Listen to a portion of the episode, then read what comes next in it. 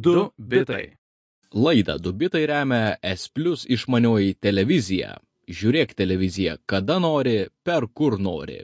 Daugiau informacijos splus.lt. Sveiki, žinių radio klausytojai, girdite laidą pavadinimu 2 bitai, o prie mikrofonų esame mes, Lukas Keraitis bei Jonas Lekevičius. Ir kaip ir kiekvieną savaitę, šiandien susitinkame apžvelgti svarbiausias technologijų pasaulio naujienas. Jonai, su šventim. Su šventėm ir tave. ir jūs su šventim. Labai smagu kažkaip užbaigti 2021 metus, nauja laida, fainai. Taip, taip, ir jau neaišku, kada jūs čia mūsų klausotės, ar, ar šiais metais, ar kitais metais, bet ir ši laida, šiandienos laida, kiek kitokia nei įprasta, metų pabaigos proga, ger, geras laikas žvilgtelti atgal ir tą padarysime ir mes šiandien ir vietoje savaitės naujienų, kurių ties pasakius netiek ir daug, visi kalėdoja, imsime ir apžvelgsime praėjusius metus. Man atrodo, gan ambicingas mūsų iššūkis, bet pasistengėme išrinkti keturias svarbesnės tokias temas, apie ką mes kalbėjome šiais metais, apie ką pasaulis kalbėjo šiais metais, tokias keturias tendencijas, keturias pagrindinės temas, ką jeigu praklausėte visas mūsų laidas, tai bent jau žinokite dabar, geriau vėliau nei niekada. Tai pasitengsim jas apkalbėti, ne, Jonai?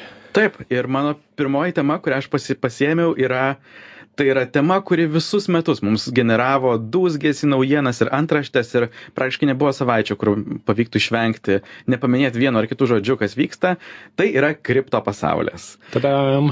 Šie metai. Uh, Šiais metais turbūt tai buvo taip smarkiai naujiena, todėl jog kaina kilo praktiškai nuo, nuo pernai metų kovo, bet šiemet irgi labai smarkiai. Ir kai kainos kyla, atsigaivina ir senos, ir naujos idėjos, jos turi daug energijos po savimi ir žmonės pradeda daryti dalykus. Ir taip pat, aišku, iškyla dideli skaičiai, o dideli skaičiai suformuoja ir antraštės. Tai žiūrint metus chronologiškai, galima sakyti, jog pirma naujiena net nėra taip su kripto susijusi. Tai buvo GameStop pirkimo manija, bet, bet tai iškėlė tokį individualaus investuotojo norą kažkur dėti pinigus, kuriuos gavo galbūt.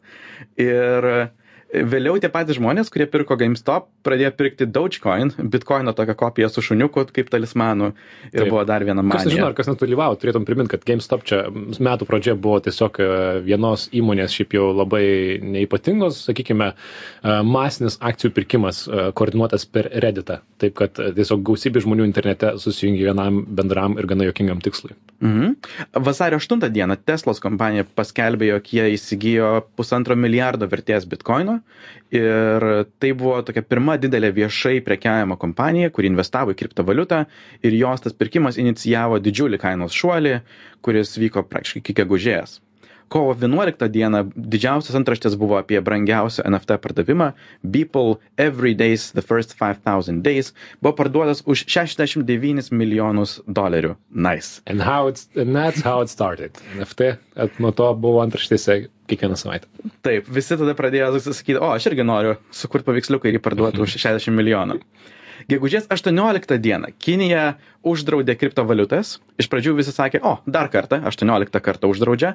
A, tačiau kaip su iš pasakos apie vaiką ir vilką, kuris vis šaukia vilkas, vilkas, šį kartą vilkas buvo tikras ir Kinija šį kartą rimtai pagalvojo apie uždraudimą ir uždraudė savo piliečiams turėti keityklų paskiras, jos buvo uždarytos, o bitkoino kasėjai išsikraustė iš Kinijos, kurie buvo labai koncentruoti ir persikraustė pagrindę į Ameriką tai taip pat lėmė ir didžiausią kainos kritimą šiais metais. Bitkoinas per kelis mėnesius nukrito nuo keturiasdešim aštuonių tūkstančių beveik perpus iki dvidešim penkių tūkstančių dolerių.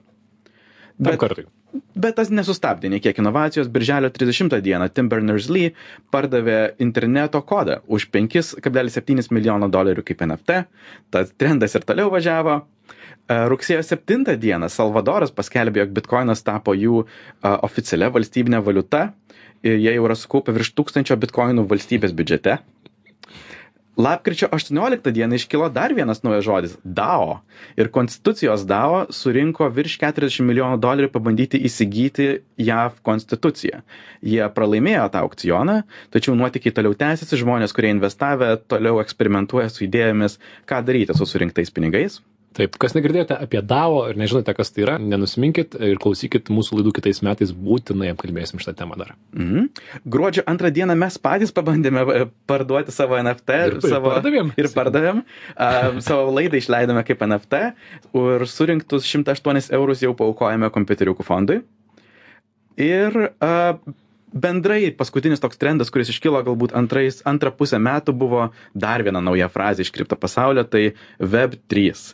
Ji toks abstraktus konceptas apie naują galimą internetą kuris būtų paremtas blokčeinu ir e, decentralizuotomis platformomis kurių savininkai būtų patys vartotojai. Tai tokia ganėtinai amorfiška tema bet esu tikras jog kitais metais mes žymiai daugiau apie ją kalbėsime nes kripto niekur nedings ir kitais metais. Taip nes e, web trys tikrai tikrai būtinai pakalbėsim kas tai yra. Tai yra įdomi idėja ir šiaip smagu kad šita nft tema išsirutuliojo į kažką. Tai yra į tą web trys kas dabar metų pabaigoje yra a, iš naujo vis linksniuojama linksniuojama. Tai visai gerai susišaukia ir su meta visatos galbūt tema man tai yra dar vienas na būdas ap, apmastyti internetą kur, kur link jis eina ar ne?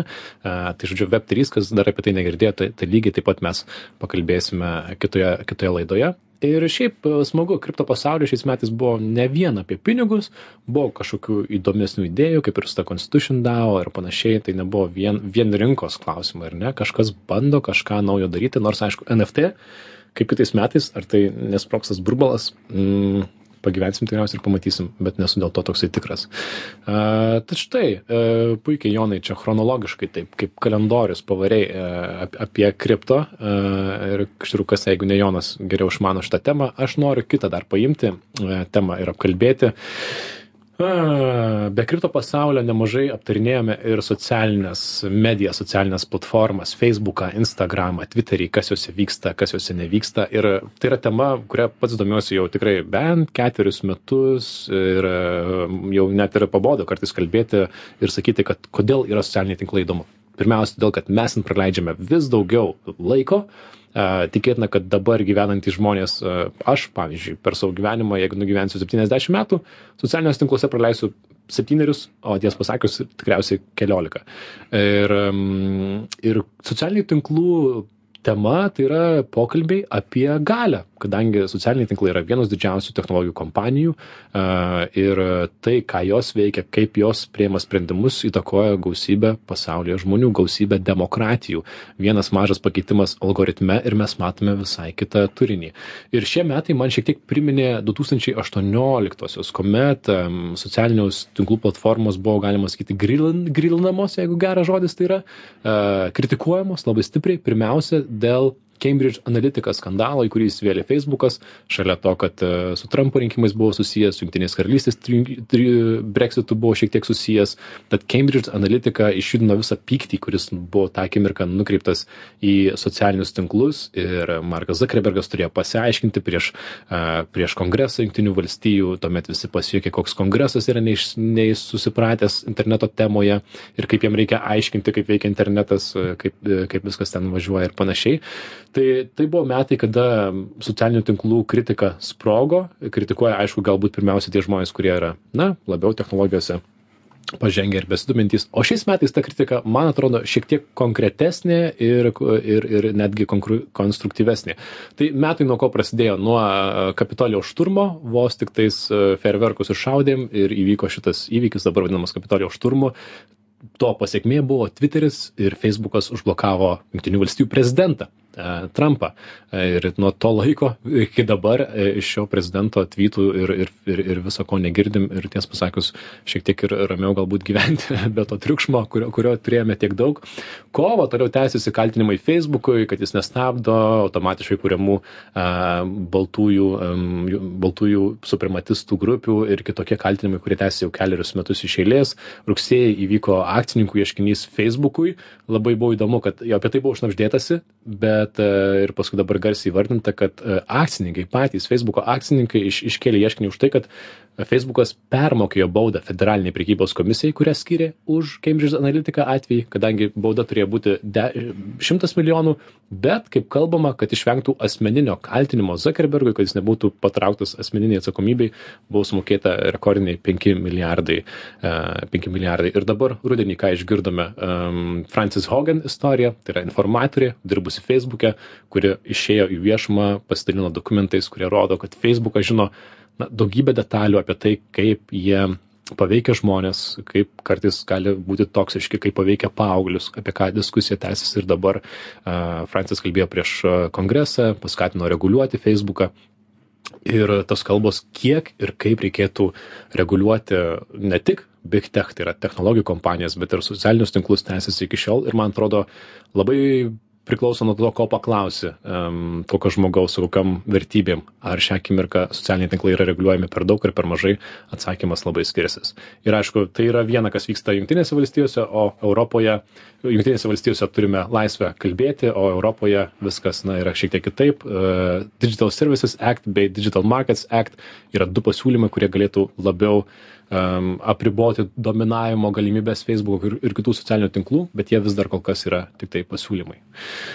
Bendrai šiais metais mačiau, kažkaip pajaučiau žymiai daugiau e, visų tech kompanijų kvietimą į kongresą ir buvimas technologijų kompanijų vadovų tapo nebesmagių darbų. Taip. Ir turbūt tai lėmė, jog e, Jack Dorsey pasitraukė iš Twitterio e, vadovo pozicijos, nes tai nebebuvo labai smagu. Jeff Bezos pasitraukė iš Amazon vadovavimo ir dabar tiesiog leidžia raketas į kosmosą. Zuckerbergas vienintelis negali pasitraukti, nes turi virš 50 procentų balsuojančių savo akcijų, tad jam ir toliau reikės iškentėti visus kvietimus į kongresą. A, Bet faktas, jog buvimas tokiais įtakingais visų šalių politinėme pasaulyje, tai yra didelis, sunkus ir tikrai nedžiuginantis darbas, tad jei gali, tai žmonės pasitraukia. Taip. Tai man atrodo, dar verta paminėti, kad tas sąrašas, ką socialiniai tinklai šiais metais draudė, kokį turinį, jis tikrai gerokai pa- pailgėjo ir ta diskusija, ar visgi būtų leidžiama, ar reikėtų leisti bet ką kalbėti socialiniuose tinkluose, mes Jono irgi apie tai laidoje kalbėjome, kad toli gražu ne, kad socialiniai tinklai labai stipriai uh, įtakoja mūsų, mūsų naratyvą. Ir e, pabaigai turbūt uh, tiesiog pasakysiu, kad ir pats, būdam buvęs 12 metų Facebooko vartotojų, ėmiau ir iš jo beveik pasitraukiau ir perėjau Instagramą. Facebookas man tapo tokia erdvė, kur labai daug e, kivirčų, labai daug neigiamų emocijų. Ir, na, jeigu bus įdomu, kitoje laidoje galėsiu papasakoti apie tai daugiau, bet iš esmės socialinių tinklų revoliucija vyksta. Ir atsimenu save baigiant į mokyklą 12 metais, galvojau, kad po 10 metų socialinių tinklų nebebus, kad jau kažkas bus naujo. Bet ne, jie štai yra ir daro didžiulę galę. E, Ir dar verta paminėti, kad e, turinys vis trumpėja. TikTokas atsirado, jis dabar yra trečias populiariausias socialinis tinklas pasaulyje, vis dar neužleidžia Facebook'ui ir YouTube'ui savo, savo, savo vietų, na bet e, viskas palengva keičiasi. Mhm. Žinių radio klausytojams priminame, jog jūs girdite laidą 2 bitai, mūsų tokią ypatingą laidą, kur mes ap- apžvelgime top 4 mūsų e, žiūrėjimo atgali metus naujienas. Ir trečioji naujiena, kurią aš iškėliau, yra e, čipsai. E, lustų, lustų pasaulis, tai yra lustų stygiaus e, ir bendrai prisitaikyto silicio e, tokie trendai. Tai bendrai visus metus gyvename kompiuterinių lustų stygiuje, nes poreikis yra didžiulis, vis daugiau laiko praleidžiame prie įvairiausių kompiuterių. Gamyba buvo sutrikusi tiek dėl COVID, tiek dėl kitų um, visokių priežasčių. Um, o konkurencija tarp pirkėjų yra didelė, jie gali vis daugiau mokėti, tad bendrai tai išryškino tik tai tokį didesnį poreikį turėti stipresnę gamybos grandinę, bei taip pat turėti gamybą lokaliau, jog jinai nebūtų taip smarkiai sutrikusi dėl geopolitinių priežasčių ir nebūtų koncentruota vien Azijos rytuose, tai yra Taivane, Pietų Korejoje arba Kinijoje. Ir taip pat šie metai parodė ir prisitaikyto silicio arba custom silicon pažangumus. Lustų stygius jautėsi visus metus, nes praktiškai nebuvo įmanoma įsigyti grafikos kortų. Iki šiol negalima įsigyti PlayStation 5, kuris buvo pristatęs dar pernai lapkritį. Ir Prie to, aišku, prisidėjo ir kripto, nes e, kripto kasimui naudojamos grafikos plokštės, tačiau bendrai tas kripto, tas e, lustų gamybos sutrikimas buvo itin jaučiamas grafikos kortų pasaulyje. Bet jis taip pat buvo jaučiamas ir automobilių gamyboje. A, 2020 metais automobilių pramonė truputuką supanikavo ir atšaukė daug gamybos užsakymų ir kai jie suprato tą savo klaidą ir vėl sugražino užsakymus lustų gamintojams, jie atsirado, taip sakant, eilės gale, nes lustų gamintojai jau buvo užpildę gamybos e, pajėgumus ir tai lėmė, jog šiemet ypač jie sumokėjo už tą klaidą. Manoma, jog bendrai automobilių pramonė praras apie 210 milijardų dolerių dėl savo šitos klaidos. Ford birželį sustabdė kai kurių modelių gamybą, rugsėjai General Motors sustabdė visas savo gamyklas Šiaurės Amerikoje, net Toyota turėjo sumažinti savo gamybos pajėgumus 40 procentų. Ir šitas supratimas apie lustų stygių taip pat lėmė ir politinį, geopolitinį supratimą apie tai, jog reikia stiprinti lokalią gamybą. Va, dar vasario mėnesį Joe Biden, e, JAV prezidentas, nurodė, jog reikia ieškoti būdų, kaip stiprinti lokalią gamybą. kovą pa pareiškė jog tam skirs penkiasdešim mi milijardų ir štai dabar kai yra pristatytas naujas infrastruktūros įstatymas penkiasdešim du milijardai jav dolerių yra skirta amerikos vidinei lustų gamybos industrijos plėtojimui europos sąjungoj taip pat vyksta tai ką jie vadina čips act kuris turėtų būt paskelbtas kitų metų antroje pusėje su tikslu pasiekt net dvidešim procentų pasaulio lustų gamybos pačioje europoje. Ir dabartiniai lustų gamintojai tai tsmc intel samsung labai daug konkuruos dėl šitų galimybių lokaliai gaminti a čipsus procesorius. Taip tad du tūkstančiai vienuoliktieji įsim dvidešim pirmi įsimins kaip metai kai čipsų gaminimas tapo na politine tema iš tikrųjų politinio saugumo tema. Ir dar mano paskutinioji tema kurią noriu paminėti apie tai visai nemažai kalbėjom tai be abejo rudenį įvyko du svarbūs dalykai. Pirmiausia pasirodė laida du bitai kuri vis dar eina ir kuria džiaugiamės o antra tai markas zakerbergas pasakė po atostogų kad facebook pirmiausia tampa meta motininė kompanija vadinasi meta ir kad jie yra nusiteikę išleisti dešim milijardų dolerių per ateinančius metus meta visatos kūrimui. Tai yra jis pristatė savo naują viziją. The next big thing po socialinių tinklų ir mobilau mobilaus telefono bus meta visata. Tai yra pasikeis tai kaip mes patiriame internete internetą. Mes jame būsime o ne jį žiūrėsime. Ir reikia jį pagaliau patirti ne per mažus ekranus televizorius telefonus ar kompiuterius o būti jame. Kaip tai atrodys realybėje dar nežinome. Greičiausiai virtuali realybė ir dar kitas kažkas bus apjungiama į tai buvo įdomu tiesiog išgirsti iš tokio na įmonės vadovo tokią sukoncentruotą viziją ties kuo jie planuoja dirbti ir ką veikti ateinančius dešim metų. Tikiuosi kad kitais metais mes pagaliau pamatysim tokius konkrečius pirmiausia įrenginius nes ko labiausiai laukiame ar tai akinių ar tai dėvimų prietaisų kurie įgalintų tą meta visatą o be abejo meta visata visata yra tiktai vizija ir idėja nebus to vieno momento kai galėsime pasakyti kad štai ji atsirado. Bet man vis tiek buvo labai įdomu kad feisbukas ėmė ir taip sukonkretino savo poziciją ir sako žiūrėkit mes dabar norime daryti taip. Norime pakeisti taip kaip mes patiriame internetą ir mes tuo užsiimsime ateinančius dešim penkiolika metų ar kiek reikės. Kam įdomu daugiau apie meta visatą du bitai taškas kom pasvirasis brūkšnys dešim ten kalbėjom apie ją visai nedaug nemažai kai kai tiktai jinai pasirodė fu tai suprakaitavę mes su jonu bandėme ištransliuoti savo keturias pagrindines temas šių praėjusių metų bet be abejo gausybė dalykų kurie netilpo. Jonai kas iš smulkesnių temų tau įsiminė? Žinai dar prieš kitas smulkias temas visos šitos temos jas yra sunku atsieti tarpusavy tu pats žinai buvai paminėjęs jog metaverse siejasi su su kripto pasauliu nes galbūt eft bus metodas kuriame meta visatoje mes turėsime kažkokią nuosavybės teisę aišku visi reguliacijos aspektai susiję su parduotuvių programėlių ypač parduotuvių reguliavimu yra susiję su tuo jog facebook priklausydamas nuo parduotuvių par programėlių parduotuvių tai yra apple ir google jie nori patys turėti platformą kas yra jų pagrindinė motyvacija kurti tą meta visatą ir norą tame. Ir taip pat aplink visa tai apie nft ir apie meta visatą sukasi kūrėjų ekonomika kuri yra kita tema kurios mes esame per daug nelietę bet jinai taip verda kažkur fone ir vystosi iš lėto ir darosi visai įdomu. Am tai yra įvairios technologijos ir platformos kurios siekia jog įvairaus tipo kūrėjai tiek video arba tekstų rašytojai menininkai galėtų lengviau dirbti internete užsidirbti ir visaip kaip am susirinkti pinigus iš per interneto žmones taip ta prasme kaip ir dabar yra kad naudojamės socialiniais tinklais bet patys kuriame turinį taip ir kūrėjų ekonomikoje naudotume būtume meta visatoje bet patys ją ją kurtume. Ir iš tikrųjų kaip tu sakei viskas apsijungia. Man atrodo kad du tūkstančiai dvidešim pirmieji iškėlė tokį klausimą o kaip galėtų dar atrodyti internetas? Ir tarsi visi siūlo savo idėjas. Web trys meta visata atrodo tarsi taip kaip dab yra dabar ima išsisemti ir visi turi savo pasiūlymų kaip tai galėtų būti. Ir tikiuosi kad per ateinančius kelerius metus pamatysim kas iš to išsivystys. Na o iš tų mažesnių temų aš paimčiau paminėčiau dar kosmoso pasiekiamumą šiemet mes tikrai turėjome daug proveržių ir pavyzdžių pradedant nuo milijardierių kosmose kurie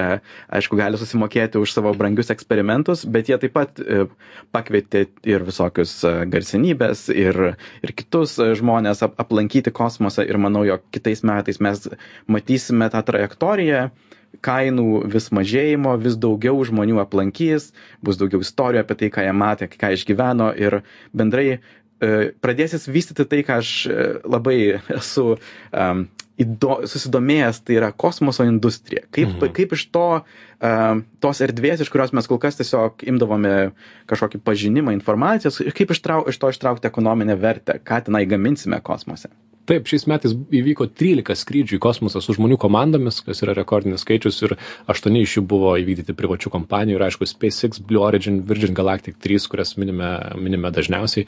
E, tai žodžiu, milijardieriai kosmose, visiškai 2021 tema.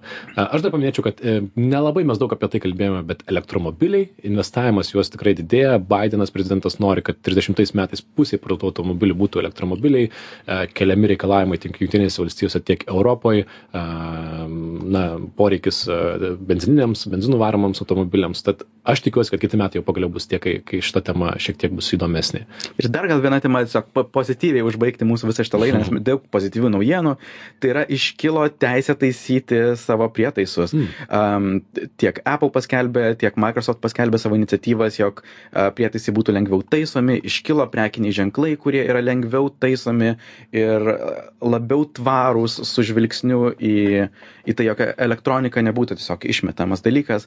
Tai yra labai malonus uh, toks trendas matyti besivystant ir aš manau, jog tai taps uh, vis labiau vertinamu kriterijum perkant naujus prietaisus. Taip, mes vis pabamam, aišku, ieškom problemų ir sprendimų, bet buvo daug pozityvių dalykų, kad nors reikėtų padaryti laidą vieną apie pozityvius dalykus, nes mokslo srityje šiais metais vyko jų daug.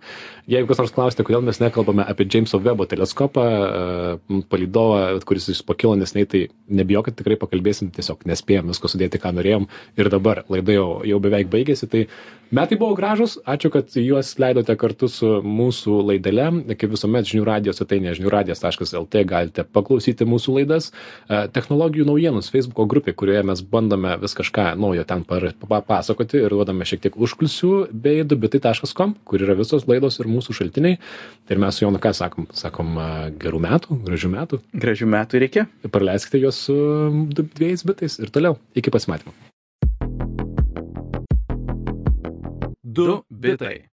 Laidą Dubitai remia S plus išmanioji televizija žiūrėk televiziją kada nori, per kur nori. Daugiau informacijos splius.lt.